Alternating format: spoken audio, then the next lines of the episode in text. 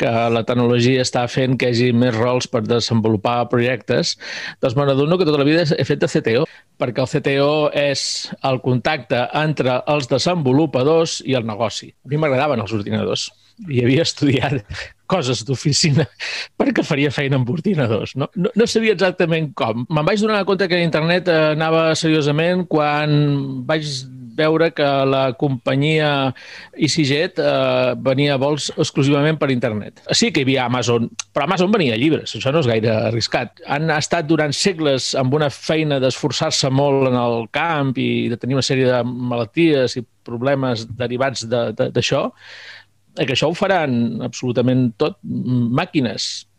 Això mm, pot estar treballant dia i nit perquè els algoritmes se distribueixen com el foc. Quan jo tinc un algoritme, si te'l dic a tu, tots dos tenim l'algoritme. No estem tenint mai la mentalitat d'escalar. Molts espanyols i, i molts europeus van crear empreses pensant en el fred per escalar. Nosaltres som incapaços de pensar en el bit per escalar. I llavors què passa? Ho fan els xinesos i ho fan els, els americans, que ells sí que hi han pensat. Has escoltat uns fragments de la conversa amb Benjamí Villoslada sobre la tecnologia digital i el seu impacte en la societat, on, tal com diu, tot el que pugui ser software serà software. Com a errata, hi ha un moment que en Benjamí parla de la muntanya de salt de Salt, tanmateix es referia a Cardona i demana, si us plau, que fagis el replays quan ho escoltis. Estàs escoltant Connecta amb Daniamo, un podcast sobre humanitat, tecnologia i privadesa, produït amb la col·laboració del grup de recerca Gretel de la Salle Campus, Barcelona.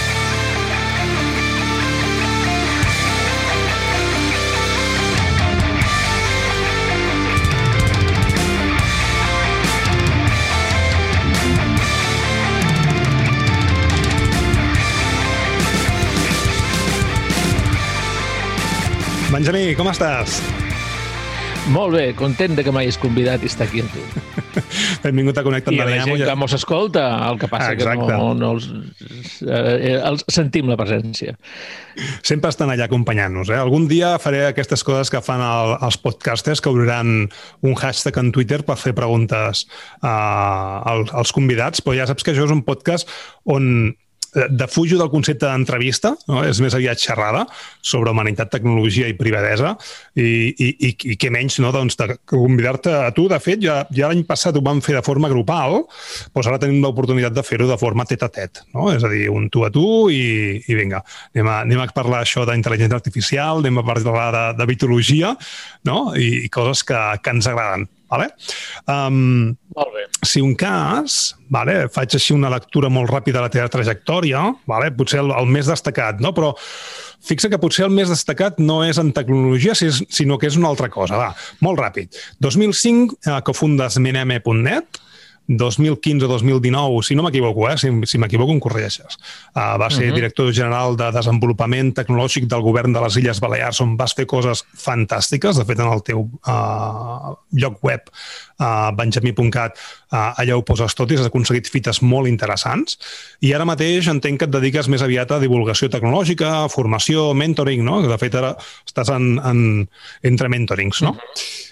I, i sí. m'agrada molt el, el concepte que tens doncs, de, de, de la informàtica, de l'automatització, de, de la informatització, perquè, a més a més, eh, tu de, de formació no ets informàtic, no? Ets, ets eh, administratiu. Vull dir, potser per això tens una visió completament diferent no? de la que tenim els informàtics, que tenim aqu aquests vicis que ens posen quan fem la carrera, no? Podria ser. De fet, eh, el resum de tota la meva trajectòria professional vista ara que comencem a tenir més rols, que la tecnologia està fent que hi hagi més rols per desenvolupar projectes, doncs me n'adono que tota la vida he fet de CTO. Mm, sempre. El CTO és el que està entre la, els desenvolupadors, encara que jo he desenvolupat des del 83 fins al 2003, diguéssim. Amb COBOL? Ser... No, eh, vaig desenvolupar amb C, en, amb un basic molt especial que no era el Visual Basic, era un basic d'un sistema operatiu que es deia primer Oasis, després Teos, que va tenir el seu forat entre empreses de hardware que es feien a, hardware que es feia a Màlaga, els Ecoinsas, aquelles màquines que havien prou a les empreses i a l'administració, sí, per això ara estan força ben situats amb el tema de hardware i tenen vols directes cap a la Xina des de Màlaga. Déu I, i Olivetti, Olivetti també tota la, quan volien professionalitzar les seves màquines els hi posaven aquest sistema operatiu Teos i això va durar bastant de temps i, i en realitat la meva formació de, de comptable, el que se'n donava realment bé i, i a la classe treia molt bones notes i el currículum el vaig saltar, me van, bé, el professor me'l va fer saltar, va dir tu, tu llegeix aquests llibres i no segueixis la classe perquè el que fèiem a la classe ja no, no va per tu. Vaig estar molt, molt content d'aquesta fase perquè realment eh, vaig tenir bons professors amb la part que m'agradava, ho varen saber detectar i varen fer el que s'havia de fer. Estem parlant de, de, de començament dels 80, que és decantar-te per, perquè portis un altre ritme. Eh, vaig sortir com a comptable i quan vaig començar a treballar en una empresa, allà hi havia ordinadors, hi havia el codi font dels programes, amb els ordinadors s'havien regalat un, un curs de programació que em varen dir fes-ho tu, que a tu t'agraden aquestes coses. Vaig retocar el software que hi havia en els ordinadors de l'empresa i vaig crear alguna aplicació per nosaltres. Ho va veure l'empresa d'informàtica i em va dir que anés a fer feina, si volia anar a fer feina amb ells. I els hi vaig dir que sí, perquè en realitat formava part del meu pla secret. A mi m'agradaven els ordinadors i havia estudiat coses d'oficina perquè faria feina amb ordinadors. No, no, no sabia exactament com, però jo tindria ordinador a la taula.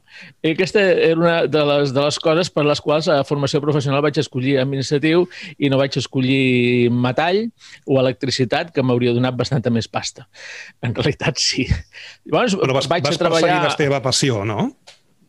Sí, Uh, m'agradaven els ordinadors, m'agradava la tecnologia i, i, i vaig tenir l'oportunitat de poder aprendre a programar, de, de poder tocar programes perquè deixàvem els programes fonts, no, no li donaven gaire importància uh, a deixar els programes fonts. També veient els programes font aprenies a programar, veies com resolien coses que jo utilitzava cada dia, a veure com ho fan això. I, i el, el cas és que quan me'n vaig a l'empresa d'informàtica que eh, els, era, ja hi havia els autors dels programes que jo hi feia feina a l'oficina i els admirava molt, doncs vaig trobar que eren, eren físics, eren matemàtics, no eren informàtics, cap, cap d'ells. Eh, possiblement les primeres promocions d'informàtica acabaven de sortir, perquè estic parlant de l'any 83, Sí, I... pensa que al 76, si no m'equivoco, és quan es fa la regulació aquí en les universitats. 76, o sigui que doncs tal qual, eh, acabaven de sortir els primers llicenciats sí, sí. en informàtica i no, no hi eren, no, no te'ls trobaves. Eh, jo en aquell temps vivia a Reus. El, el meu pare, quan tenia 3 anys, ens havia portat des de Mallorca cap a Reus perquè a ell no li agradava el turisme i li agradava més la indústria i, i a la zona de Reus-Tarragona hi ha molta indústria, feia feina amb una empresa de Constantí. I, i el pis se'l va trobar a Reus i per això estàvem a Reus. I llavors a Reus hi havia, no hi havia universitat, hi havia formació professional i, i tampoc arribaven gaire, gaire informàtics de, de Barcelona, sinó que hi havia això, molts matemàtics i molts físics. I, i els matemàtics i els físics tenien dificultats per, per fer software d'administració d'empreses perquè no sabien, per exemple, que les factures de proveïdors van a l'haver. I quan ho havien d'automatitzar, li preguntaven amb el client i la reacció del client era dir, hòstia, quina merda de, software que he comprat doncs si ja li he de dir com s'han de fer les coses. Ah, segurament ho feia al revés, no? Perquè el debe i l'haver, ostres, són conceptes que estan al revés per mi, eh? Ah, sí, té, té la seva dificultat. Possiblement la meva dislèxia va afavorir, perquè jo d'entrada ja ho veig tot al revés, i, i així va, va anar... Va, és una dislèxia molt greu, molt de respecte als que la tenen de veritat. És molt lleu, vull dir, la meva. Eh, un gran respecte als que tinguin la dislèxia de, de veritat, perquè ha de ser bastant més fotut que el que passo jo, però tinc certa facilitat per veure coses estranyes. Doncs la, la cosa és que eh, els hi explicava doncs, això, el flux de, de la feina en una oficina, el barat, el barat, la factura, l'estoc, els pressupostos, les remeses, eh, com, com eh, descomptar eh, en els bancs eh, crèdit per factures emeses, eh, moltes coses que, que se mecanitzaven me les preguntaven a mi. I aquí jo ja feia de CTO perquè el CTO és el contacte entre els desenvolupadors i el negoci. algú que tradueix el, el negoci a llengua digital i, i, i vigila com els informàtics ho fan perquè surti bé, que, que el negoci després allò li agradi i qui diu negoci també diu client, no? que amb els clients els hi agradi. I, i segons quines preguntes, doncs no cal que les fagis, segons quines preguntes posa-les. Per exemple, quan imprimeixes un balanç, doncs demana la data d'impressió de balanç, perquè poder el demanen uh, tres anys després per, per presentar en un banc i que porti, no porti la data d'avui, sinó del moment en què se van produir aquelles, aquells, aquelles comptes. No? Coses d'aquestes, uh, petits detalls, que hi havia d'estar una mica a sobre, de fet ells m'ho demanaven, em deixava menys temps per programar, i això no agradava gaire amb el cap de l'empresa perquè volia que se tirés endavant software i totes les hores que jo passava preguntant, eh, contestant preguntes de, dels físics i dels matemàtics era temps que jo no programava i hi havia una relació d'ell d'amor i odi amb això, no? perquè veia que els altres rendien més, però a la vegada jo, jo no programava prou. Llavors, havia dies que, segons com li agafava el que jo feia, estava molt bé, i fins i tot eh, va obrir una delegació a Barcelona i m'enviava a Barcelona eh, una setmana seguida a ajudar la gent d'allà perquè no sap què estan fent i li tenen molts de problemes amb els clients, mira d'aclarir-ho. I per un altre costat, doncs, un altre dia s'aixecava dient que com és que encara no he acabat el software de gestió de l'empresa tal que m'havia assignat. No? Era tot una mica caòtic, em vaig cansar i vaig marxar, em vaig posar pel meu compte amb, amb una sèrie de clients. I Molt bé. Home, és que un projecte informàtic eh, sembla que no, però la, la informatització, l'automatització de les coses es fa perquè hi ha hagut uh, un procés molt manual darrere. És a dir, uh, sí. i has d'haver dedicat moltes hores, uh, sobretot fent-te preguntes, resolent uh, situacions, no?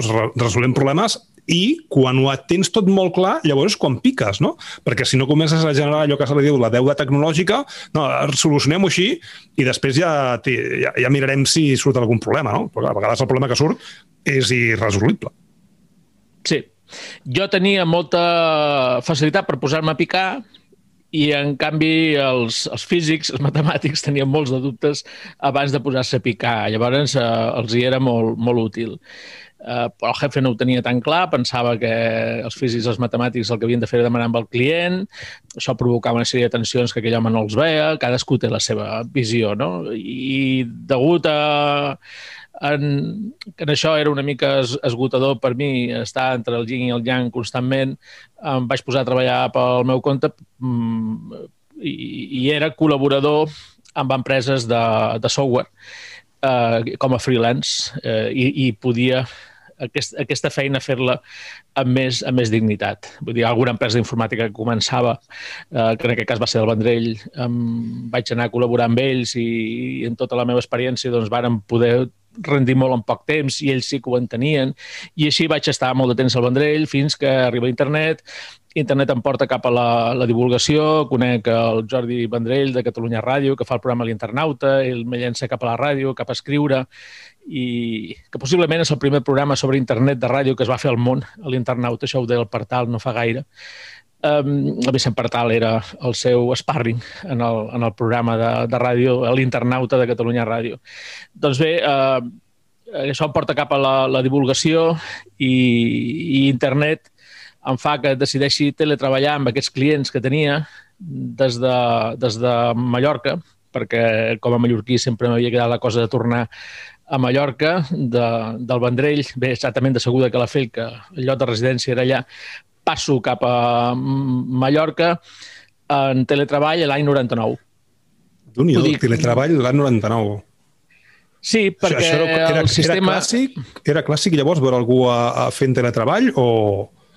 No, ni, ningú. Eh, primer vaig provar de treballar des de casa amb els clients i vaig veure que funcionava, llavors vaig dir, bé, doncs simplement haurà més distància. En comptes d'anar amb un despatx i tenir un telèfon, doncs acostumar-los a utilitzar el correu electrònic, eh, eh, el telèfon també era inevitable, mm -hmm. però ja, ja hi havia mòbils i ja no, no feia falta que truquessin a l'oficina, podien trucar tu en persona i el sistema operatiu amb el qual treballàvem era molt semblant a l'Unix en moltes coses i tenia la seva línia de comandaments molt lleugera que permetia treballar, teletreballar amb, amb, amb mòdems.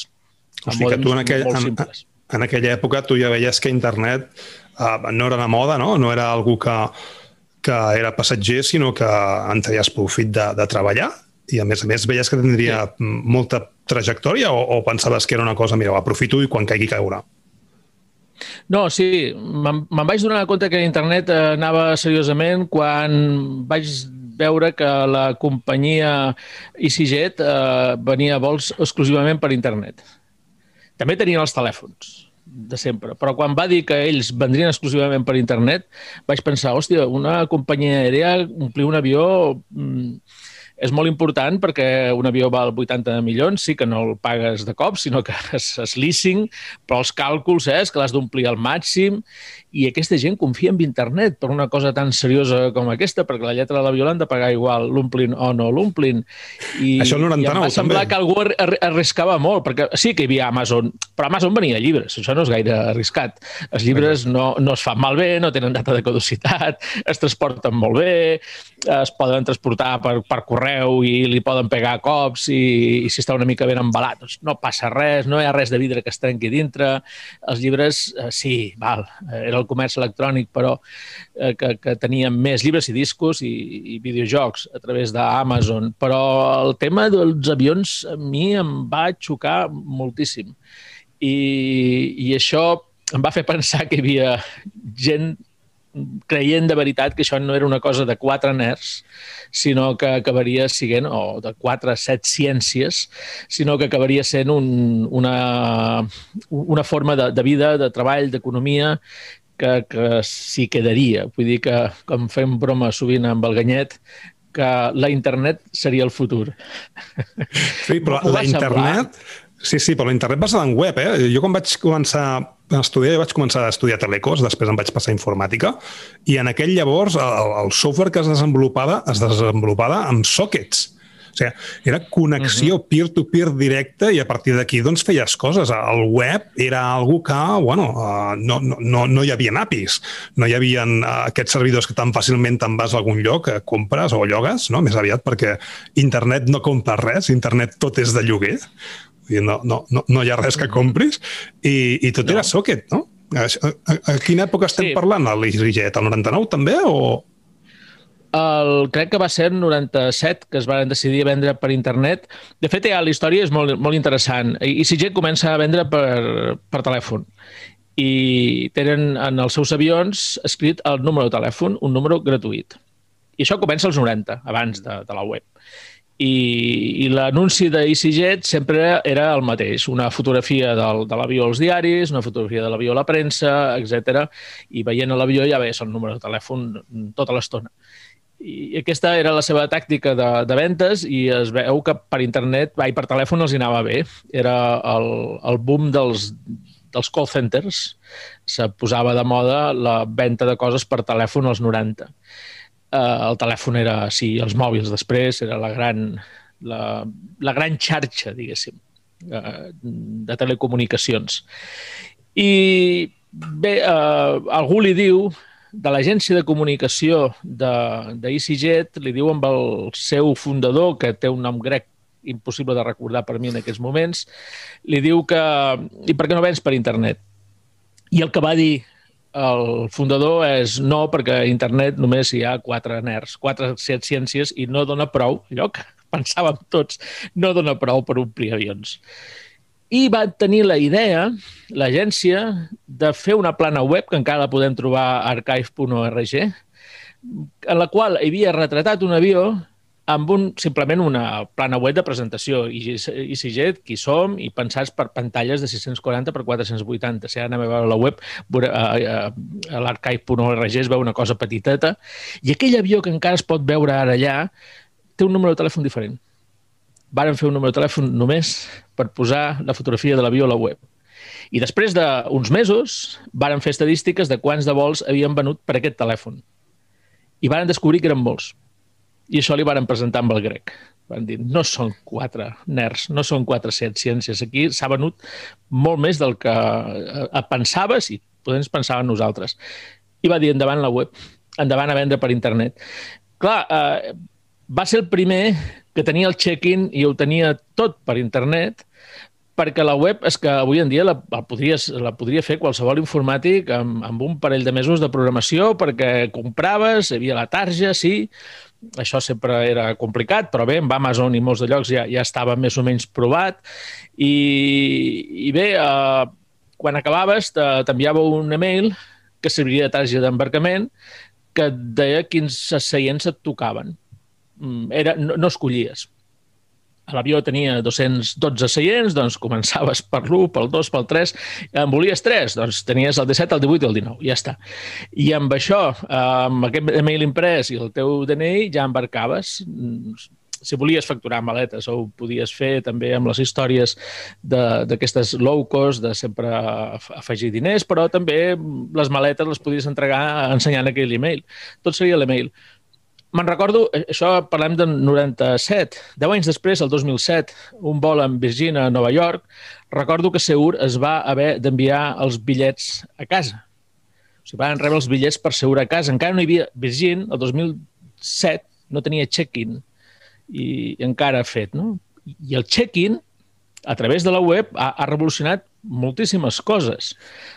Per exemple, la maleta amb la qual viatges per no haver de facturar i poder arribar amb menys temps a l'aeroport, vas amb maleta de mà mm, per poc que puguis, vas amb una maleta de mà. I això canvia el viatge, perquè quan estàs en el lloc de destinació ja no carregues un munt de rocades com abans, de souvenirs i de més. Més com internet fa que aquests mateixos souvenirs estiguin a la venda a qualsevol lloc. Eh, aquestes pales que diuen Palma de Mallorca de, de tennis i que en comptes de posar la illa de Mallorca dibuixen la de Menorca perquè s'equivoquen. Tot això ho pots comprar a AliExpress.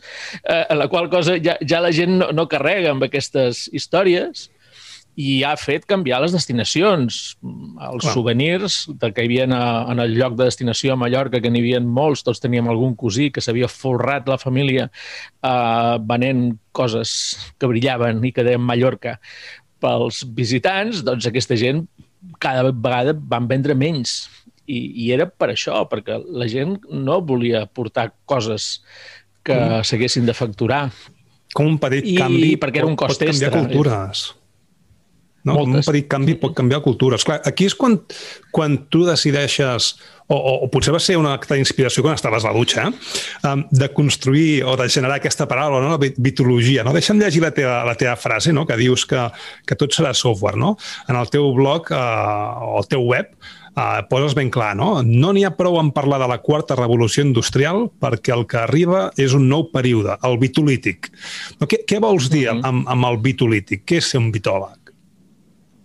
Sí, és que, que um, hi han coses que han canviat la, la història de la humanitat. El foc n'és una, i, i juntament, i el foc, que és una cosa que si jo tinc foc i a tu te'l passo, tots dos tenim foc, si jo tinc un entrepà i te'l passo, deixo de tenir entrepà, però amb el foc no, tots dos en tenim, doncs això és una matèria primera molt revolucionària, que el foc en el seu moment va canviar moltíssimes coses, i també va canviar moltíssimes...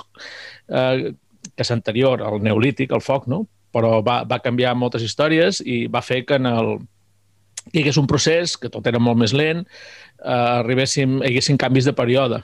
El, el neolític, que és dedicar-nos a l'agricultura, també va ser un canvi molt, molt important que va, va, va canviar el paradigma de, de, de la forma en què ens organitzàvem en tot que vivíem, que menjàvem, que eh, ens movíem, que teníem família, que teníem... Vam necessitar muntar ciutats o pobles que després van esdevenir ciutats perquè van fer falta els artesans, eh, que, els, els que feien les eines i després la gent que ens protegís perquè no vinguessin dels pobles del costat a prendre's la collita perquè amb ells els havia anat pitjor, tenien pitjors terres. Es va complicar tot moltíssim. Amb, hi ha una sèrie de punts a la humanitat a la qual tot canvia canvien els paradigmes. El foc va ser un canvi tremendo, va fer que els humans passessin a ser molt potents, perquè la resta d'animals eh, resulta que no, no tenien el control d'aquesta cosa tan, tan tremenda, i llavors eh, van passar d'estar allà a la cua de, de, de la gent amb habilitats, vull dir, era molt més hàbil un, un lleó o el que fos, però, hòstia, si no corries però tenies foc, també tenies molt, molt, molta potència, no? I de cop això va, va, va, va ser una hòstia tremenda per, per un munt d'animals potents que abans eh, estaven per sobre del, de l'humà. I, I després l'agricultura va ser un, un canvi d'això, de, de la forma de viure. I és que el tema digital eh, té la versatilitat del foc i canvia els paradigmes d'una forma força més intensa que l'agricultura. De fet, també canviarà l'agricultura. Mhm. L'agricultura, la, la, això que ens ha tingut ocupats el 80% de la població fins fa 100 anys, perquè era així, el meu avi era pagès i segurament eh, gairebé molta gent que mos escolta, si mira 100 anys enrere es trobarà pocs amb artesans, però la majoria eh, eren pagesos.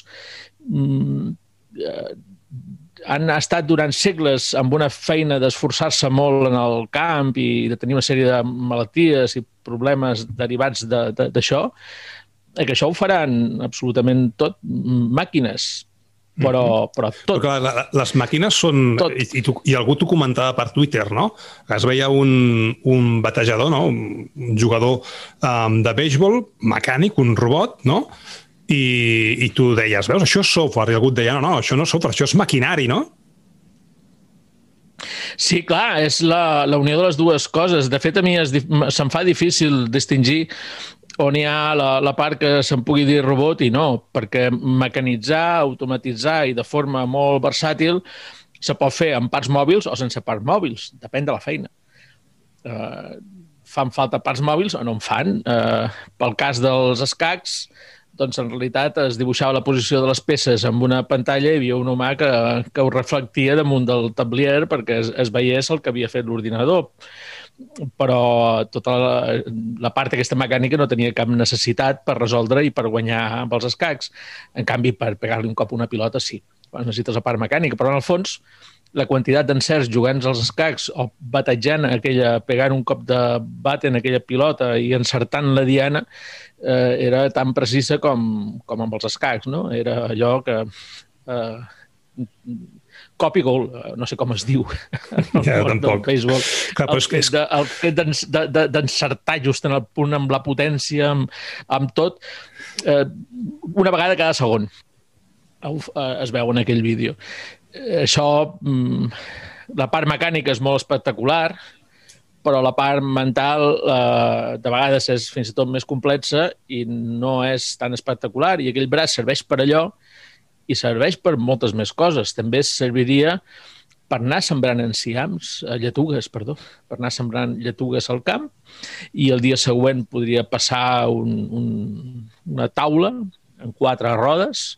La part dalt de la taula són plaques solars i la part de baix està ple de càmeres que fan un, un retrat de com està progressant cada lletuga i a base de, de petits sprays i de rajos làser i de més, doncs li va subministrant a cadascuna segons el color, segons l'estat, segons el moment de creixement, segons mm -hmm. la mhm. temperatura, l'acidesa, un munt de coses que analitza mentre va passant per allà sobre, li va subministrant exactament la goteta d'allò que necessiten la goteta, eh? no, no, no cal que sigui com abans, eh, que se tirava indiscriminadament productes fitosanitaris. No, no, només la goteta per la lletuga en qüestió.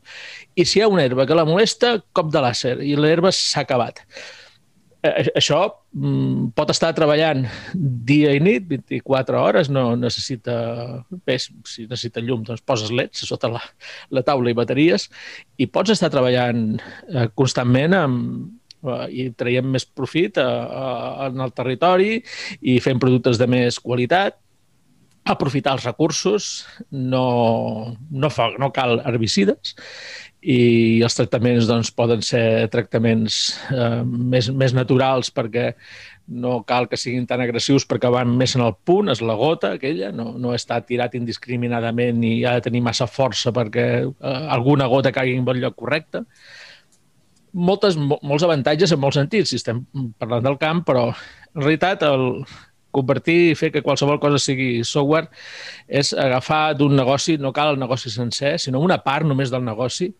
Les, les lletugues que es posen de color X, només una part i convertir-la en algoritme. Clar, I a partir del moment en què l'has convertit en algoritme, mm, la pots convertir en exponencial perquè els algoritmes se distribueixen com el foc. Quan jo tinc un algoritme, si te'l dic a tu, tots dos tenim l'algoritme. Si jo tinc una aixada i te la passo a tu, jo deixo de tenir aixada. Aquesta és la idea, clar. Fixa't l'impacte, eh?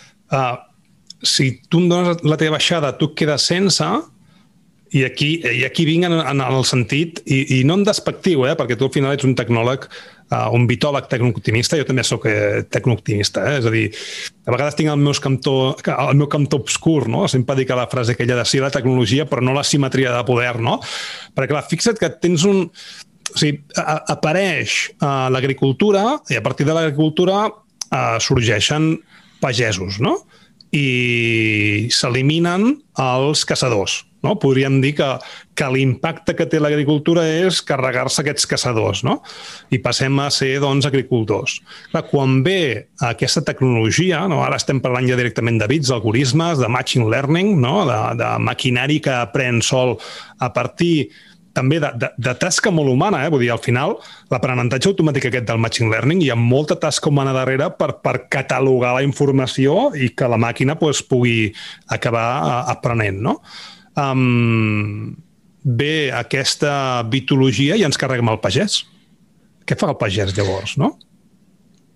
Uh, fer, fer la supervisió de tot plegat i fer bon, bones preguntes i, i en comptes de tenir el seu temps ocupat en, en coses que, que són feixugues, la feina al camp és feixuga, eh, es pot estar ocupat amb altres eh, qüestions més, més creatives. I, de fet, eh, si tu li preguntes amb, el, amb, amb la gent de fa 100 anys, que tots eren pagesos, eh, què farem quan apareguin els ordinadors i de més, doncs segurament s'haurien amoïnat molt, però no ha passat res, ens han anat resituant amb altres feines i el que passa és que cada vegada se fan menys feines avorrides, repetitives, feixugues. O es poden fer si vols. Si vols, pots evitar fer aquestes feines. I encara molta part que queda de feines eh, feixugues, repetitives, són herència del passat i és una qüestió eh, momentània. Per, hmm. per la meva manera d'entendre-ho, poc, d'aquí a pocs anys no tindrà explicació que, que hi hagi riders. No, Exacte, els riders són, són una... No? Són una... de camió, vols dir? Sí, o, sí, o els que el, porten... tot el que es critica, els que transporten coses i persones a qualsevol lloc, ho he dit en anglès perquè els abarca a tots, perquè aquí coneixem com a riders els de Globo, els d'Uber Eats, sí. però en realitat el que et du coses d'Amazon no deixa de ser un rider, el que passa que va en comptes d'una furgoneta i només eh, va amb una furgoneta i no només per tu, sinó per tot el veïnatge. I, però la, el que fan és eh, transportar coses del punt A al punt B o persones, en el cas dels taxistes. Doncs aquesta és una feina no gaire creativa, que hi ha una part important de gent que feia feines poc creatives i que estava a, a la, en llocs de treball de la segona revolució industrial, que les fàbriques s'han anat traslladant cap a, a Àsia i la gent que no tenia qualificació per feines creatives, sinó per fer aquest tipus de feines, doncs s'anà resituant cap a aquests llocs de repartidors, estan els magatzems... És, eh, és una extinció d'aquest tipus de feina progressiva que, que anem tenint des de la segona revolució industrial, l'anem que, ha anat eh, passant a la tercera, l'han anat perdent i ara cap a la, la quarta, que jo dic que és el bitolític, que, no, que és un canvi de període, més que no pas una quarta revolució, encara en perdrem més. Uh mhm. -huh. Els perdrem, mentrestant guanyem esperança de vida, mentrestant guanyem llocs de treball creatius, que molta gent me pregunta quins, doncs, hòstia, si ho sapigués, com li ja, ja, ja estaria jo, no? Fa anys el meu sogre, ai, perdó, el meu sogre, el meu avi, pagès, que jo seria programador. És que no se t'acut en aquell moment. Clar. Alguna ja, ja... cosa farem. Quina ara és difícil de saber. Per exemple, allò que des de la, del machine learning, Uh, jo també estic amb una startup pròpia en dos socis més i, i una de les meves feines és el, el machine learning doncs el que és l'etiquetatge de les coses mm, té tela marinera i és un ofici nou que no, no existia. Tampoc existia en el món de l'arquitectura i de l'interiorisme el, el crear llocs de treball per gent que teletreballa i això també fa, fa un any que hi ha gent que s'ho comença a plantejar de que hauria de tenir un espai per, per aquestes, eh, aquesta part nova de la seva vida, que és treballar des de casa. Fa un any i mig no es venien aquestes coses d'il·luminació rodones que ara pots trobar absolutament a totes les botigues de xinesos del, del barri. Eh, abans era una cosa que no, ni n'havíem vist, doncs ara en veus per tot arreu. Hi ha tants de canvis i en tan poc temps que és que no, no, no és fàcil preveure què és el que faràs i sí que és molt fàcil dir que es, es perdran feines. Però jo no, no sé, no, no sento planyir feines poc creatives. Mm -hmm. uh, si algú les plany, poder és que no estan els nostres debats, poder és un altre món en el qual nosaltres no ens hi movem molt, perquè normalment el nostre entorn sol estar content de que cada vegada hi hagi feines més creatives.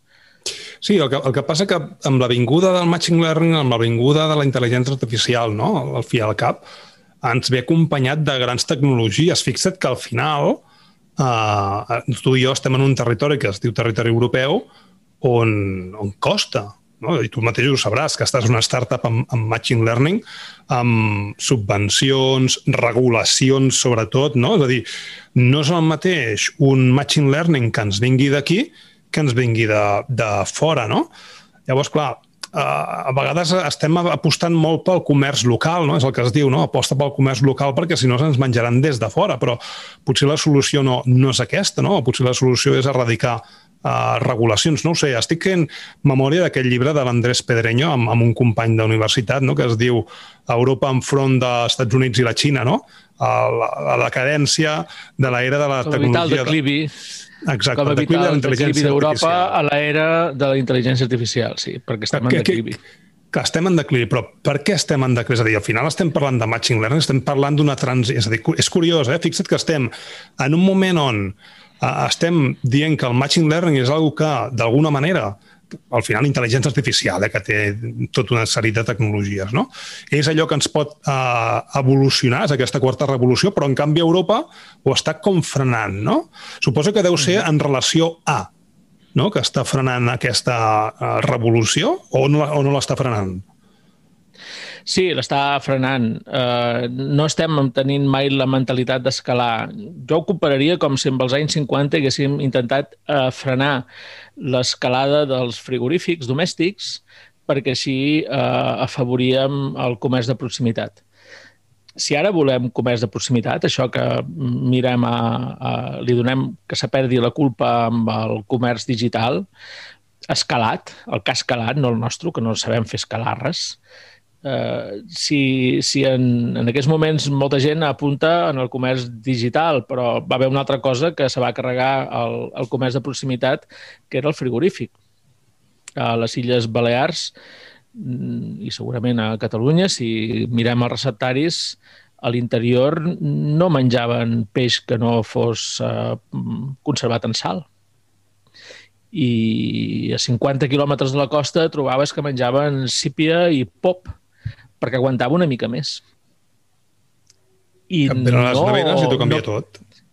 Sí, no permetia escalar. Vull dir, si tu eres un pagès i si eres un pescador, el que tu feies era per, pel comerç local, molt local, molt local, 10 quilòmetres al voltant, i para de comptar, i el fred permet que tothom escali i ara mengem coses que venen de, de molt lluny i el millor peix es menja a Madrid. Això és el que, és el que diuen i és gallec, perquè de fet, el, el, el peix no ens ve d'Espanya a vegades, eh, que ens ve de Sud-amèrica o ens ve de bé de saber on. Sí, sí, vaixells que són frigorífics eh, flotants, no? I tot això ha, ha canviat en el món de la segona revolució industrial. El fred va, fer un, va crear una, un escalat que el vàrem saber fer a Europa a Europa el vàrem assimilar. Vull dir, a França, Holanda, tot, i tenim Itàlia, tenim Espanya, eh, tenim punts de, de producció que pensen en Europa. Tot Andalusia eh, fabrica fruites i verdures que van a parar arreu d'Europa. Però en digital això no ho fem. No, no, no ens no en sabem. cap. Dir, no en sabem. Quan crees una empresa, no la crees eh, així com molts espanyols i, i molts europeus van crear empreses pensant en el fred per escalar, nosaltres som incapaços de pensar en el bit per escalar. I llavors què passa? Ho fan els xinesos i ho fan els, els americans, que ells sí que hi han pensat. I després venen totes les queixes perquè eh, la teva part que deies més, més fosca, no? la, que, la, que, la que rebutja, és perquè veus coses que no formen part de la nostra cultura ni de la nostra manera de veure el món, ni de llegir-lo, ni, ni de, de res durant anys hem escalat, eh, i abans del frigorífic la sal. Tenim aquí Salt, que era un lloc que estava disputadíssim per, per, per musulmans romans, aquí es fotien hòsties tothom, i hi havia aquell, aquell castell que és el Parador, que es veu que tenia una potència tremenda, estava per damunt de Barcelona, amb potència a Catalunya, eh, Salt. Per què? Perquè era un material que permetia escalar molts de productes. Eh, mataves el porc i una bona part del porc mm, amb sal doncs, i amb espècies podia durar un any complet. I, I els romans, quan pagaven a la gent, li pagaven el salari. I parlàvem de, de salari, encara diem la paraula salari. I vàrem utilitzar aquest material, els grecs, els romans, tots, eh, durant segles per, per escalar. Després hem utilitzat el fred per escalar. I ara els bits no, ens hem posat tiquismiquis, mira, quina cosa. Sí, però, però, no, però no per falta de capacitat ni per coneixement, perquè al final aquí a, a Espanya, a Catalunya i les Balears, ostres, tenim bones universitats, tenim gent formada, tenim bootcamps, tenim de tot, és a dir, uh, estem generant o estem creant una generació de, de mhm. persones que hi entenen, no? El que passa que potser se'n van més cap a fora que cap a dins, però per què, per què no es queden dins? No? És a dir, que no hi ha diners, que la revolució és molt forta és que aquí no hi ha negoci? Eh, és que... Com és que no estem generant aquesta potència o no surten aquestes tecnològiques que, que sí que estan a Xina o estan a Estats Units? Pensa que eh, es parlen de les, de les, uh, de les nou grans, no? de les nine, nine big uh, tecnològiques, que són Alibaba, Tencent, companyia, Google, Microsoft, és a dir, estem parlant de Xina i Estats Units, no estem parlant d'Europa. De, mm. Tot i que hi ha el projecte aquest, l'X-Gaia i o la Gaia X, no? que es vol convertir en el cloud europeu, no? però això se'n parla però no surt cap, cap cosa en ferm. No, per, possiblement és per, perquè això es, escala tant, escala a nivells exponencials, que són tan forts que mm, em sembla que van en contra d'alguns principis eh, religiosos, fins i tot. Mira, mm, no és sé cultural, si no? Al final. Ficant en un jardí, sí. Això de, això de guanyar tanta pasta, anar tan ràpid, tan amunt, és pecat en el món catòlic. En el protestant, no. I els alemanys escalen molt més que nosaltres. I el Regne Unit també. A la resta d'Europa, no. Però déu nhi els alemanys. Bueno, i a Màlaga sí, eh? A, també a Màlaga sí que ho fan bé. Uh, Màlaga, uh, sí, estan, estan amb el tema hardware bé, però tampoc podem ara mateix recordar cap nom d'empresa important en, en hardware uh, i de, de, de tecnologia de Màlaga. Tu pots? Jo, jo no. No. I, i, I de Barcelona en podem recordar una, però com la diguem se'ns tiraran al coll. Un unicorni. Vale. Globo. Globo. És, és pecat. És pecat. Uh, parlar de, de, de, de Globo en aquests moments és pecat. Està, està mal vist. Tanmateix, Globo jo entenc sí. que va néixer uh, donant opcions a riders com a un sobresou, no com a un sou uh, absolut. Eh? No sé si es va entendre malament el missatge de Globo o, o, o no el vaig entendre jo, però que en el moment que els riders volen alguna sí. que no, no és el que ofereix l'entitat és quan hi ha fricció i estem en un pollastre bastant important. Sense defensar sí, Globo, i... eh? Vull dir. Sí, no, eh, el, el tema dels, dels Raiders és com els, els transportistes d'Amazon i, i els transportistes també que van a la botiga de la cantonada perquè tenen sous de 1.300 euros al mes. Els uns i els altres. Els que transporten les fruites de Catalunya, la fruita de Lleida, que han recollit immigrants en sous molt baixos, no guanyen més que els repartidors d'Amazon, els que porten la botiga, el, les fruites recollida a la botiga ecològica de proximitat, no, no, no hi ha diferència de preu. Vull dir que en el cas de Globo i en el cas d'Amazon i de més, és una cosa heretada del, del model anterior que s'està aprofitant mentre no es té el, el, el nou. I la diferència entre Globo i Amazon és que contracten a enginyers amb, amb molts diners, amb bons sous, amb unes places tremendes que no té ni la indústria agroalimentària nostra, ni tampoc tenen els, els comerços eh, tradicionals, vull dir, no, jo com a informàtic no he fet feina mai per cap comerç tradicional, eh, s'obren la nostra feina, la nostra capacitat no, no és per ells. Hem estat sempre exclosos d'aquest teixit que ara es rebota en contra del progrés exponencial digital. Doncs ells contraten aquesta gent i per això són unicorns, en el cas de Globo i Amazon doncs ja és post-unicorn, per, per la següent fase, que serà a, eliminar aquests esportistes. O sigui, realment el rider, la caixa aquella que duen penjant, allò d'acabar un dron o un robot que vagi bueno, pel carrer. I a, estan a, treballant en aquesta cosa en aquest moment. Sí, sí, jo, ja n'he vist, eh? Aclarim que és un unicorn, no? És aquella empresa que ha aconseguit facturar un milió, no? O que val un milió d'euros. Ara no me'n recordo les xifres, que està valorada, és la valoració, no la, la facturació. La, la valoració ha, ha passat de no me'n record ara quina xifra per ser una, un unicorn. I, i no n'hi ha gaire a, a Europa ni, ni a l'Estat. Per, perquè per tenir aquestes xifres, per estar valorada, has de tenir un pla de negoci de més pensant en escalabilitat i molt en futur mm, la part que no et permet escalar a Globo possiblement és aquesta del personal, Llavors, tampoc és personal que faci una feina creativa, portar coses del punt A al punt B. O sigui que els riders, més val que es posin a estudiar informàtica i gestió, que és el que els hi tocarà, és el, ah, Llavors, el, el next step, no? el següent pas. Amb, sí, i amb l'experiència que tenen com a riders, possiblement, si saben informàtica, podran ser bons desenvolupadors d'allò que sigui mm, mecanitzat que substitueixi el rider. Aquí és on, ven, aquí és on venim i, i, i remarquem la frase que dius, no? que tot serà software, no? És al final sí. uh, tot s'automatitzarà d'alguna forma.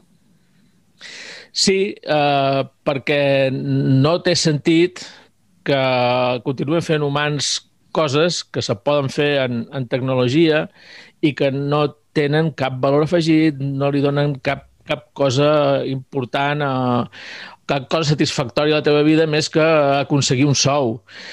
I, i, i això, això i cada dia eh? i, i cada dia el mateix, i cada dia el mateix, i tot tornes a aixecar, i una altra vegada, i el mateix. Com el dia de la marmota, la pel·lícula aquella. Però això, eh, Exacte. Benjamí, és, és molt disruptiu, perquè jo, jo el que estic preveient, en certa mesura, és que ara estem en una època d'alguna manera dolça, no? perquè estem veient, dolça i complicada a la vegada, en el sentit de que estem veient que hi ha una tecnologia, que la precisió d'aquesta tecnologia tampoc és que sigui molt alta, eh? estem parlant de la, de la intel·ligència artificial, estan en 80%, 90% d'encerts, eh? vull dir que estem sempre amb aquest, amb aquest marge d'error. No? Um, això farà que uh, coses es puguin automatitzar, no? tasques tedioses als humans ens podem dedicar a tasques més creatives, però arribarà un punt, és el que jo prevec, eh? que no tothom tindrà la possibilitat de fer tasques creatives, no per coneixement, sinó perquè arribarà un punt que les màquines ja estan fent moltes coses, no?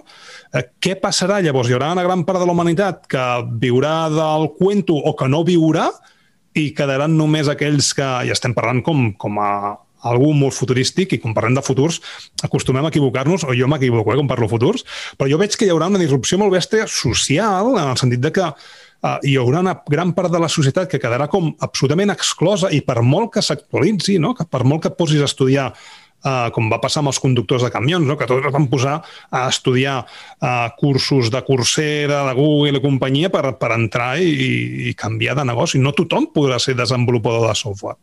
Què passarà llavors? Gaudirem de la vida? És que la part del desenvolupar software és una part petita de convertir coses en software. Uh, això és una de les coses que estem descobrint uh, o que estem aprenent. Hi ha molts de rols al voltant de, de convertir coses en software. Uh, de fet, a la nostra startup, uh, el, el, un dels impulsors és, és metge l'impulsor és metge, que va venir a demanar ajuda tecnològica. I, I aquesta és la gràcia, justament. I el meu anterior projecte, Meneame, que és la cosa de dos informàtics, doncs mai vàrem arribar a tenir producte realment ens feien falta altres rols per professionalitzar-ho i això és el que no vaig aconseguir mai, eh, perquè semblava que només havia de ser software. No, eh, allò que deies abans, els informàtics sovint eh, pensem massa amb, amb l'eina, però tot el que t'expliquen per arribar a convertir coses en software que és emprenent, sent, sent emprenedors, és tenir un, un equip prou divers de diferents maneres i sensibilitats i, i formes de veure el món per aconseguir tenir un producte prou rodó. El, el software és una, és una de les peces necessàries per crear producte i crear producte és solucionar no el problema que tu has vist, sinó el problema que realment té la gent i que està disposada la gent a pagar perquè se'ls hi solucioni. Llavors, aquí hi ha un munt d'ingredients que amb els informàtics molt sovint se'ls hi escapa. Són capaços de, tenir, de veure una solució a un problema, de desenvolupar un software que el soluciona, d'enamorar-se de la seva solució i de no entendre per què no triomfa i per què ningú vol pagar això que tu acabes de fer. Perquè falten totes aquestes sensibilitats de molts tipus que farien que hi hagués gent que estigués disposada a pagar, que poder no és la que l'utilitza, és una altra. Bueno, l'ego de, de la informàtica és molt dur, eh? Vull dir, hauria d'haver una assignatura a, a, a la carrera no? o al grau de com baixar l'ego de, de la informàtica, perquè tot ens sembla grans idees i, i fabuloses. Sí, i jo escolto molts programes d'emprenedors perquè crec que la forma de convertir coses en software és emprenent. Uh, no ho faran les empreses actuals, les tradicionals. N'hi ha alguna que s'hi posa seriosament, com ara SEAT, que ha fet uh, la SEAT 2. Recode, i és un laboratori que està repensant coses, que està, mm, més que pensant en el vehicle, pensant en la mobilitat, etc però podria ser que plegués SEAT per qüestions de, de, del món de l'automòbil i que això no pogués funcionar i que aparegués una empresa nova que ve de zero i que no plegui perquè no queda arrossegada per, per un grup més gros que ha fet malament les coses en un altre punt. Uh, no, no sé si m'explico, no? Uh, la inèrcia de les empreses grosses d'aquest dia a dia és tan grossa que fan spin-offs o fan laboratoris per, per crear coses noves i després costa molt posar-les a la pràctica. I en cas de que les arribessis a posar a la pràctica, eh, altres factors que no tenen res a veure amb el laboratori podria fer que també els laboratoris se n'és risc, com ara, per exemple, els fabricants que tenen molts problemes per aconseguir xips eh, i, i el tenir problemes per aconseguir xips és perquè van haver parar unes fàbriques massa grosses per cada ser el vehicle per, per que ha de ser el vehicle que està pensant en laboratori. Vull dir que la, la, la fàbrica grossa, la seva inèrcia és tan tremenda que se pot emportar pel davant el, el laboratori amb el futur. No, no sé si m'explico. Bàsicament, sí. això és que eh, per, per fer coses en software has de fer un think out of the box, que se diu, o sigui, veure les coses d'una forma completament diferent i fer un think out of the box vol dir uh, out of the box sempre, vull dir, crema la caixa. No hi ha... Aquesta caixa quan tu hagis pensat alguna cosa fora d'ella i amb aquesta cosa que has pensat i hagis de tornar a la caixa, a la caixa eh, et trobaràs possiblement en la caverna de Plató. Uh -huh. La caverna de Plató és aquella alegoria que diu que la gent de, de dintre, que té una visió molt condicionada a la cova, pensa que tu allà fora, que te va pegar el sol, doncs t'has tornat boig, t'has enlluernat, que veus coses que no són la realitat i que acabaràs amb ells i que acabaràs amb la seva forma de, de vida, d'ombres i, i que això és un perill, és una amenaça i, i, i t'intentaran matar explica uh, la, el, el mite de la caverna. Llavors, tu quan vens de, de fer un think out of the bots i tornes, uh, tens perill de que la mateixa caverna et mati, que mati el laboratori, que, que mati aquella iniciativa. I, i encara que t'arrebin molt bé, podria ser que la caverna col·lapsés per, per, per, per les pluges que, que ha hagut a l'exterior, fora del normal. Així que jo recomano que cremem les caixes, cremem les cavernes, que pensem les coses des de, des de zero i que ens concentrem en això i tirem endavant el projecte. Llavors, això se fa emprenent. Mm -hmm. És l'única manera. I, afortunadament, el món anglosaxó, que no té tanta... el món protestant, no catòlic, que no té tanta recança de parlar amb inversions i amb utilitarisme i en, en què jo te deixo 5 milions i d'aquí a uh, 7 anys se'n vull tenir 10 i, i des del primer dia t'ho dic, i això no és pecat dir-ho, no és lleig, doncs aquestes empreses que, que gent que té diners però no té idees, busquen aquesta gent que té idees però no té diners i que no només idees, perquè aquí cometria un error, és, té, té productes, i si té productes és que té l'equip suficient i prou divers com per haver convertit una cosa en software i que hi hagi algú disposat a pagar per ella. O sigui, eh, quan tens això, quan tens aquest equip prou divers, has mm, creat els mecanismes necessaris per, per escalar en cas de que rebis diners. En el moment en què necessites aquests diners per escalar, haurà gent sense idees però molts de diners que te dirà té, t'acompanyaré durant X anys i vull tenir el doble, o el triple, o el quadruple. I això se diu des del primer començament. I això en el món nostre de per aquí eh, sorprèn moltíssim i hi ha la idea de que mm, vindran i invertiran per voler el triple, però se quedaran a la teva empresa, eh, aquesta cosa tan, tan catòlica, sí, que, que tenim nosaltres a veure el món. I, en canvi, ells te diuen, eh, en el món anglosaxó, que els VCs, els Venture Capital, que, que inverteixen, te diuen que, que no, no, no se volen quedar a la teva empresa, perquè no hi ha res pitjor un tio amb idees que se queda l'empresa sense idees i que els, els fundadors se desmotiven perquè ah. l'empresa ja no és seva. I què passa Llavors, si no arribes a l'objectiu? Que tinguis, Uh, és un risc, són venture capital, vull dir, ells ja tenen previst que n'hi ha algunes que no funcionaran, però, però que el, el, el conjunt del seu volum d'inversió entre moltes empreses farà que al final hagin multiplicat per X al final d'una època que sol ser un, un fons d'inversió sol ser 10-12 anys, la seva idea que en 10-12 anys s'han d'haver multiplicat per X el material i amb empreses que, mira, hauran anat, anat malament, haurà un procés de liquidació com en qualsevol empresa i depèn dels riscos que s'hagin concorregut, doncs tindràs més responsabilitats, menys com a, com a socis, com a... Això acaba, quan se liquida una empresa, acaba amb un, els tribunals moltes vegades, però eh, per posar ordre i, i és, és un, tot està previst eh, i molta gent el que fa és aprendre i després tornar a emprendre. Vull dir, hi ha molts casos de gent que no li ha anat bé la primera i li ha anat bé la segona i ha repetit a l'inversor perquè mm -hmm. aquesta idea també és més protestant, que si t'has equivocat la següent vegada segurament ho faràs millor. En canvi, el, i, el, i el perdó se fa amb transparència, amb, amb, en obert.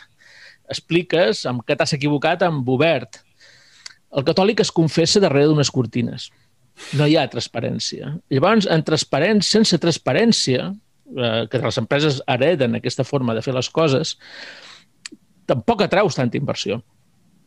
I... Però no és la idea aquesta de... No? Ha, ha introduït la religió no, no, però està bé, és la idea aquesta de reconèixer el fracàs o l'error com una cosa positiva no? i com no, no enfonsar-te en la misèria i abandonar-ho, no? Uh mhm. -huh. o, o, o considerar-te culpable i que doncs, eh, has de pagar el teu, el teu pecat. Mm, el món protestant fa més resets i així són els alemanys i així són els britànics. Dins del que és Europa i els xinesos ja és una altra història que necessitaríem tres podcasts i els americans doncs, es podrien connectar amb els, amb els britànics. Eh, la cosa és que existeixen els fons, existeix el, els diners, si tens una, un algoritme, una cosa que la comparteixen en software, que és escalable, que hi ha prou diversitat de gent, eh, prou diversitat vol dir que hi ha informàtics, però no només informàtics, i que, doncs, eh, això, eh, necessites un, un punt, un moment en el que dius, ja, ja ho tinc, ja tinc clients, ja tinc el producte, ja està funcionant, però ara vull escalar, ara vull ara vull el fred, ara vull la sal, ara, ara vull sortir del país i, si pot ser, doncs, vendre als Estats Units i vendre a Àsia, però com a mínim a, a tota Europa. Llavors és quan trobes aquests, aquests inversors, perquè ja tens una atracció. Mm, ja has demostrat el producte, ja, ja tens clients satisfets. Ara es tracta d'escalar. Doncs per la fase d'escalat estem parlant que fa això, el, el món eh, americà, en aquesta fase de, de creixement eh, havien inversions de, fins no fa gaire, de 3, 4 milions. Ara és normal sentir d'inversions de 10, 20, 30 i 40 milions per a aquesta fase d'escalat. Clar, contra aquí... això nosaltres no podrem fer res. T'anava a preguntar quin és l'ordre de magnitud aquí. L'ordre de magnitud és... No, no, no. no n'hi ha. Nosaltres aquí eh, hi ha inversors que ho fan d'aquesta manera perquè han, han après dels, dels Estats Units i s'han oblidat una mica de la forma nostra de fer les coses i, i, i cada vegada n'hi ha més i és més fàcil trobar-los i també n'hi ha molts dels altres. Llavors és una part de l'aventura d'emprendre, de, elegir, escollir bé els inversors i hi ha gent que simplement pel fet d'haver mm, buscat accelerar la seva empresa a Estats Units, que això per internet avui en dia és eh, fàcil, per exemple, el Paul Graham participa amb, una, amb, una, amb un lloc que es diu Y Combinator, que sí, el Y Combinator. Com a y... déu nhi té, té una spin-off que es diu Imagine Key 12, on, on es construeixen o on s'ideen no? totes les aplicacions educatives que ens arriben aquí a Espanya. És a dir, la gran majoria d'aplicacions sí. educatives surten d'allà. Doncs allà et donen una marxa tremenda si t'escullen perquè veuen que tens eh, el perfil que els agrada per crear el, el producte mínim viable, per aconseguir els primers tri... per, per aconseguir l'atracció. Si veuen que ets capaç d'aconseguir l'atracció, te diuen vine cap aquí i llavors te la, te la injecten pràcticament l'atracció a base d'una marató força intensa i per ser de YC ja reps eh, a la fase de creixement ajudes americanes que multipliquen per 3 i 4 les europees. Però quan ho veuen els, els europeus, que tens aquesta atracció, atracció de capital, vull dir, americana, aquí també inverteixen més. Perquè el fons, els fons d'inversió saben que en tu, d'aquí a 6, 7, 8 anys, faran la sortida, perquè tots surten havent, havent duplicat possiblement el, el, el, el capital, perquè aquestes coses que se converteixen en software després no hi ha qui les pare, no, no hi ha qui les aturi. Mm -hmm. Quan és, és... les comencem a utilitzar ja no tornem cap enrere. I en aquests moments moltes d'aquestes coses estan construint i per això està sorgint tant i tant de capital. Aquí, en un país que veiem a Uber com una cosa que fot amb els taxistes i com una, una empresa de taxis, doncs als Estats Units té un, una, una EBITDA, que és el, el, els earnings, els beneficis abans d'amortitzacions i, i d'impostos, de menys 4.200 milions de dòlars. O sigui, 4, gairebé quasi 4,3 bilions en negatiu. I l'aguanten. Per què? Perquè no serà d'aquí 30 anys, serà molt abans que quan tinguem el, el transport autònom, ells estan molt ben, molt ben situats i s'emportaran un pastel tan gros de la mobilitat com ara se'l l'emporta Amazon del retail. Exacte. I, és el mateix quan, patró que amb Amazon. Quan Amazon va començar no va tenir guanys fins al cap d'uns quants anys. Uh mhm. -huh. Anys, anys. Sí, vaig fer l'exercici de cercar a la Wikipedia, perdó, a la Wikipedia, al diari El País, per, per veure com ens ho mirem nosaltres. Notícies sobre Amazon entre l'any 2000 i 2010 i n'hi ha tres o quatre, no n'hi ha més, en 10 anys. Entre el 2000 i 2010 que s'estava fent Amazon, en el país gairebé no se'n parlava. I el 2002 diuen que per primera vegada ha tingut beneficis perquè ha oblidat les seves idees faraòniques de vendre de tot per internet. I s'ha limitat, ha tornat enrere i s'ha limitat amb els llibres, amb els videojocs, i per això, clar, no té tantes pèrdues i ja ha tingut beneficis.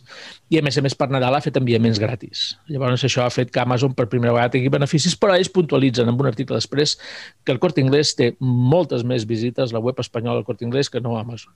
Des d'Espanya i que, en fi, que aquests estan intentant fer una cosa faraònica, era la seva, el seu qualificatiu.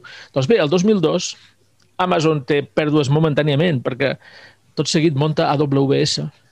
per problemes d'escalat. De, eh, com tenen problemes d'escalat en certs moments de l'any, que nosaltres en aquell moment ni coneixíem com el Black Friday, i, i això els eh, fa que vagi lent i no volen aquesta experiència negativa en els usuaris de que vagi lent, munten una empresa que serà el futur del cloud per poder créixer ells. I que ara ha signat un contracte milionari amb, amb, el, amb el Departament de Defensa dels Estats Units i um, tothom perquè tenen un bon cloud eh, comprovat, vull dir, el van fer Exacte. perquè ells el necessitaven, llavors mm. a més a més el van posar a la venda. Tu saps el que s'està perdent diners i que a més a més encara en perdràs durant 7 o 8 anys més i, i, i, i, i mentrestant tenir aquest creixement tan exponencial que t'obliga a fer altres empreses que també estan perdent diners, però que eh, quan tot això passi, seran referència tant amb el retail com amb el cloud, perquè tot estarà amb una base molt, molt sòlida. I, i clar, això no aguantes tots aquests anys si no és amb una, amb una financiació molt, molt tremenda d'aquests venture capital. I, I una vegada que ja estan en marxa, el que fan és reinvertir tots els beneficis. Amazon, uh -huh. no sé si va tenir 40 milions 40.000 milions de benefici a, a Europa o 30 i no sé quants l'any 2020, el passat, va tenir beneficis rècord per la pandèmia i de més de 30, 30 i pico mil, no sé, ho deia The Guardian, 30.000 eh, milions crec que va tenir de benefici, però ha tingut unes pèrdues de 1.500 milions. Ho ha reinvertit tot. I amb una empresa que està creixent de forma exponencial, el que significa reinvertir tant és encara fer-la més, eh, la línia de pujada més exponencial. Si quan les empreses de per aquí, per no tenir beneficis, reinverteixen el que han guanyat per no pagar el 35% d'impost de societats, doncs canvien els vehicles, mm, compren una nau, s'hi traslladen, continuen fent el mateix, però amb més despesa. Mm, no pensen en escalar. No, no tenim aquest tic, com dèiem abans, no? I llavors què passa? Que continuem igual i no paguem impostos de societat, però tenim uns vehicles millors, tenim una nau més nova, unes oficines noves, etc. Ells no. Ells contracten, compren cotxes de vehicles autònoms, compren aerolínies, cada vegada escalen, escalen. S'estan fent un far de comprar avions que no poden utilitzar les aerolínies degut a la Covid. I és per distribuir més, escalar més. Clar, les mateixes lleis que permeten a l'empresa reformar la seva flota de vehicles, amb ells els hi permet, amb el ritme d'escalar que tenen, menjar-se el món exercici rere exercici. Clar. I nosaltres no fem res, no hem entrat en aquesta mentalitat. El que fèiem és demanar que no s'hi compri, quan mm, no és realista. No, no, no, no, no ho és. De, de cap, no, de no, cap és, no és evolució, no és evolució, no, no, és, no és un canvi de paradigma que ens hagi arribat encara, eh? però això és cultural. Eh? És a dir, estem, estem, evidentment, eh, la cultura xinesa, la cultura um, d'Estats Units, que és molt naïf, és molt jove, vull dir, la història dels Estats Units és, és molt jove, no?, en, en relació a l'europea, ens, ens estàs uh, enquistant, eh? Uh, evidentment, vull dir, també també ho veig i és, és quelcom que, que no només l'Andrés Pedreño és, és qui ho diu, no? i ho diu en, en temes d'intel·ligència artificial, però és que estem en, en, en, en una en una voràgin regulativa, no? que hi ha persones doncs, que per, resolu per, per resoldre aquests problemes uh, aboguen amb més uh, regulació, no? i potser hauria de ser una, una miqueta al revés. Eh? És a dir, que passa que aquí el, els drets civils, no? aquests drets que, que volem percebre, en, ens els estimem moltíssim, que a vegades ni els executem, no? o, o no ens donem compte que, que els executem, però percebem que són molt més importants que no pas una evolució d'aquest tipus. No? I amb això doncs, estem com una roda del hàmster. No? És a dir, uns estan evolucionant moltíssim i altres doncs, que tenen ganes de fer, doncs és, és impossible. Benjamí, ens estem passant sí. bastant de temps eh, amb, amb, amb, amb la conversa. Jo m'hi sento còmode, eh? Tu com ho tens? Molt bé. Uh, he fet una mica de cebolleta explicant els, els inicis. Aquesta part poder la pots tallar, si vols. Però no, no, em sembla molt bé. És, perquè et coneguem millor. Doncs sí, uh, això lligaria ara amb, amb tenir no només la visió tecnològica, tenir-ne tenir, -ne, més. Eh, en aquest cas, el, el meu va ser de, de, de comptable i va servir per molts anys de desenvolupament de software. Ara ja no, ja la meva part no és la comptabilitat. Eh, des del moment en què la tecnologia està en tantes coses, eh, al començament era per fer factures i portar estocs i escandalls però això a partir d'internet ha canviat completament i he mirat d'adaptar-m'hi. Per això no li dic informàtica, m'agrada dir-li bitologia. I, i, i la, la meva cosa és aquesta, intentar incorporar a més i més gent en aquest món perquè mm, tots tinguem feina relacionada mm -hmm. en convertir coses en software i que no sigui només fer software. Hi ha moltes qüestions culturals psicològiques de tot tipus eh, que tinguin una part d'incorporar aquesta tecnologia i considerar-la una cosa eh, normal, no com una cosa a evitar, sinó veure com l'assimilam, com la posam en el nostre dia a dia. Eh, no parlem a les escoles del perill de les pantalles, no, sinó que parlem d'usos de la tecnologia perillosos i d'usos bons i llavors eh, l'haurem incorporat en nosaltres. No podem rebutjar encara parlar de paper, ni parlem de coure, ni parlem de ser, ni parlem... Eh, doncs bueno, és que és molt de pantalles. Ja, és que és molt fàcil. La cultura de la por és molt fàcil. La cultura de... I, i, i s'hauria d'analitzar d'on ve aquesta cultura, qui l'està promovent no? i quins interessos hi ha darrere tot plegat de, de parlar d'aquesta forma. Eh? A vegades hi ha persones que mantenir aquest discurs de la por, no? és a dir, pantalles xungues, tecnologia xunga, els hi va bé per mantenir un status quo i, i que certs negocis funcionen. Jo sempre em quedo amb la recomanació que fas, que és el curs aquest uh, de Elements of AI, no? que no és un curs d'intel·ligència artificial per uh, informàtics, sinó és un curs per uh, qualsevol. No? Si et sembla, doncs aquí, uh, amb aquest últim apunt, uh, comentem i, i, i ho deixem i fem una altra trobada, vale? quan tinguem més Clar, temps, i a veure si també el Gran Ludot s'hi pot, pot apuntar i quan més siguem, més, més res. No? És, és una que tu recomanes que la gent faci, no? és a dir, que faci aquest curs d'Elements of AI per, per tenir una visió sí. diferent per incorporar la, la, la, la mirada tecnològica basada en intel·ligència artificial a qualsevol ofici. Uh, si tu fas el curs Elements of AI, no fa falta que siguis informàtic i entendràs quines coses del teu ofici es poden convertir en intel·ligència artificial. I si es converteix en intel·ligència artificial podràs uh, segurament convertir part de la teva feina en exponencial i aconseguir eh, aquest, eh, aquests ingressos o aquestes inversions que te permetin eh, fer una altra feina.